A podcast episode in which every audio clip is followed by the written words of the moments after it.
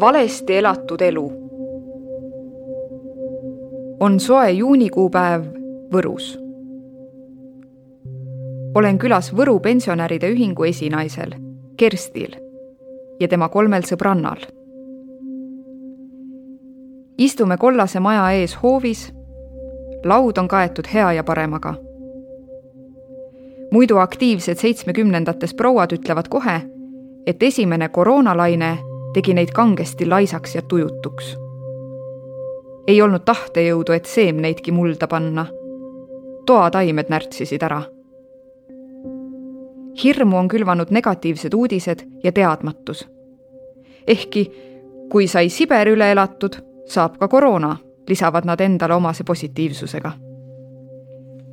neljast naisest kolm elavad üksi ja vahel kipub üksildustunne ligi tikkuma kõige raskemad on pühad, kui kõigil on oma tegemised. ütlen sulle ausalt, et nutan iga kord kodus, kui olen kellelgi külas käinud ja kõiki neid ilusaid elusid ja elamisi näinud, tunnistab üks hästi positiivne ja aktiivne proua, et talle meenub siis tema enda valesti elatud elu.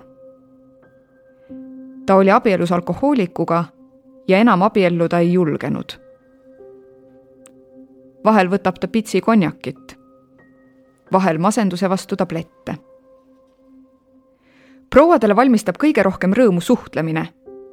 ikka tuleb koos käia, tantsida ja võimelda, mistõttu koroonaaeg kurvastabki. päevakeskus on kinni, kõik on stopil. käib suur eakate hoidmine. kuid meie seda hoidmist ei näe isegi hoitakse noori vanadest lahus. nüüd süveneb see veelgi, ütleb üks proua. Nad püüavad kõige kiuste endal siiski tuju üleval hoida. lahendavad ristsõnu, vaatavad Midsummeri mõrvu. aga kui minul kodus kurb meel peale tuleb, panen Kihnu virveplaadi mängima ja laulan kõvasti kaasa.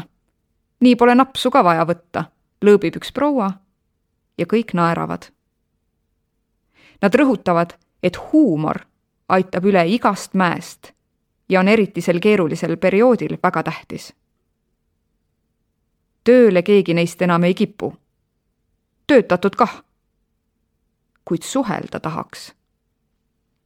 Nad unistavad lähedusest, soojusest ja hellusest. unistavad armastusest. see ei pea tingimata olema naise-mehe vaheline armastus, võib olla ka sõbra armastus peaasi, et oleks armastus. tänavailgi võiks rohkem naeratamist olla. mõni vaatavat vanainimest kui katkuhaiget, mis on eriti raske, kui elad üksi. kui keegi vastu tuleb ja naeratab, püsib hea tuju õhtuni. rohkem hoolimist. seda mainitakse mulle pea igas jutuajamises võtan Kerstiga uuesti ühendust oktoobri lõpus poole aasta jooksul jäid tema sõnul ära kõik harjumuspärased üritused, kuid tantsimas on nad saanud nüüd käia. elu läheb edasi ja küll me õpime selle koroonaga ka elama. saamaks aimu ka vanahärrade elust, lähen juuli esimesel päeval külla Nõmme vanameeste klubile, mis on end sisse seadnud pisikesse Kivimäe jaama hoonesse. istun, seitseteist meest minu vastas ja kuulan, mida nad räägivad. juttu tuleb kõigest.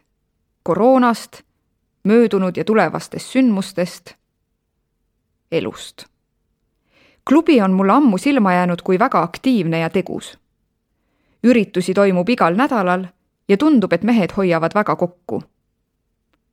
kevadise karantiini ajal muidugi paar kuud koos ei käidud ja seda hakati kiiresti igatsema. reegel on et naisi kaasa ei võeta ja poliitikast ei räägita. uus liige, endine patendivolinik Jaak ütleb, et tuli uudishimust, kuid kogus enne tükk aega julgust. mehed oma tunnetest ju naljalt ei räägi, kuid jutuajamise käigus haarab üks härra siiski härjal sarvist ja tunnistab, et ka eakatele on tähtis see, et nad kuhugi kuuluksid. püüame alla suruda seda tunnet, et sa pole enam tegija, ütleb ta et nende klubis ongi selline vennaskonna tunne. oma lipp särk ja laul. häda olevat peamiselt selles, et paljud nende vanused ei viitsi enam midagi teha. ja noortel on kiire. räägime põgusalt siiski ka poliitikast. poliitikud ei saa aru, mis on oluline. et kuidas ikkagi ühendada kahte leeri aetud Eesti rahvast. Küsisime seda ka Rataselt ja muidugi tuli rattalik vastus. räägib üks mees ja teised muigavad. üks vanem härra lisab, et tänapäeva noored on hoopis teistmoodi. see on see mentaliteedi muutus. praegu on eesmärk saada raha ja tarbida. Eestis on paarkümmend sellist meesteklubi. Kõvasti rohkem on selliseid päevakeskusi ja klubisid, kuhu kuuluvad peamiselt naised ja kuhu mehi on keeruline kampa saada. Võru elanik, naine, seitsekümmend neli. kuidas kirjeldaksid sina üksildust?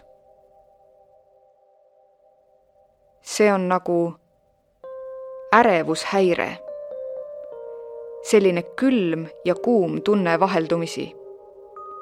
ootad midagi, aga ei tea ise ka, mida ootad.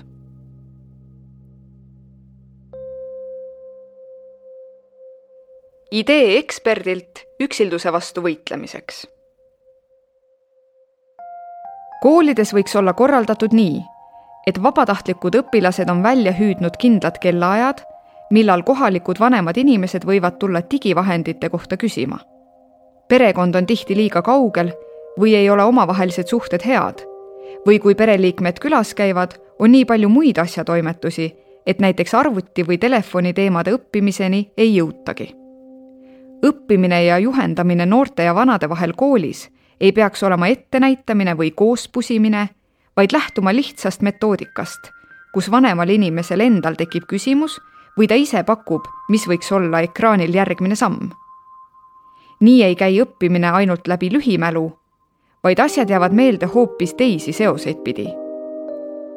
muutuma peaks arusaam juhendamisest, kus tulistame infot ega jõua või ei taha ära oodata, millal õppijal küsimus tekib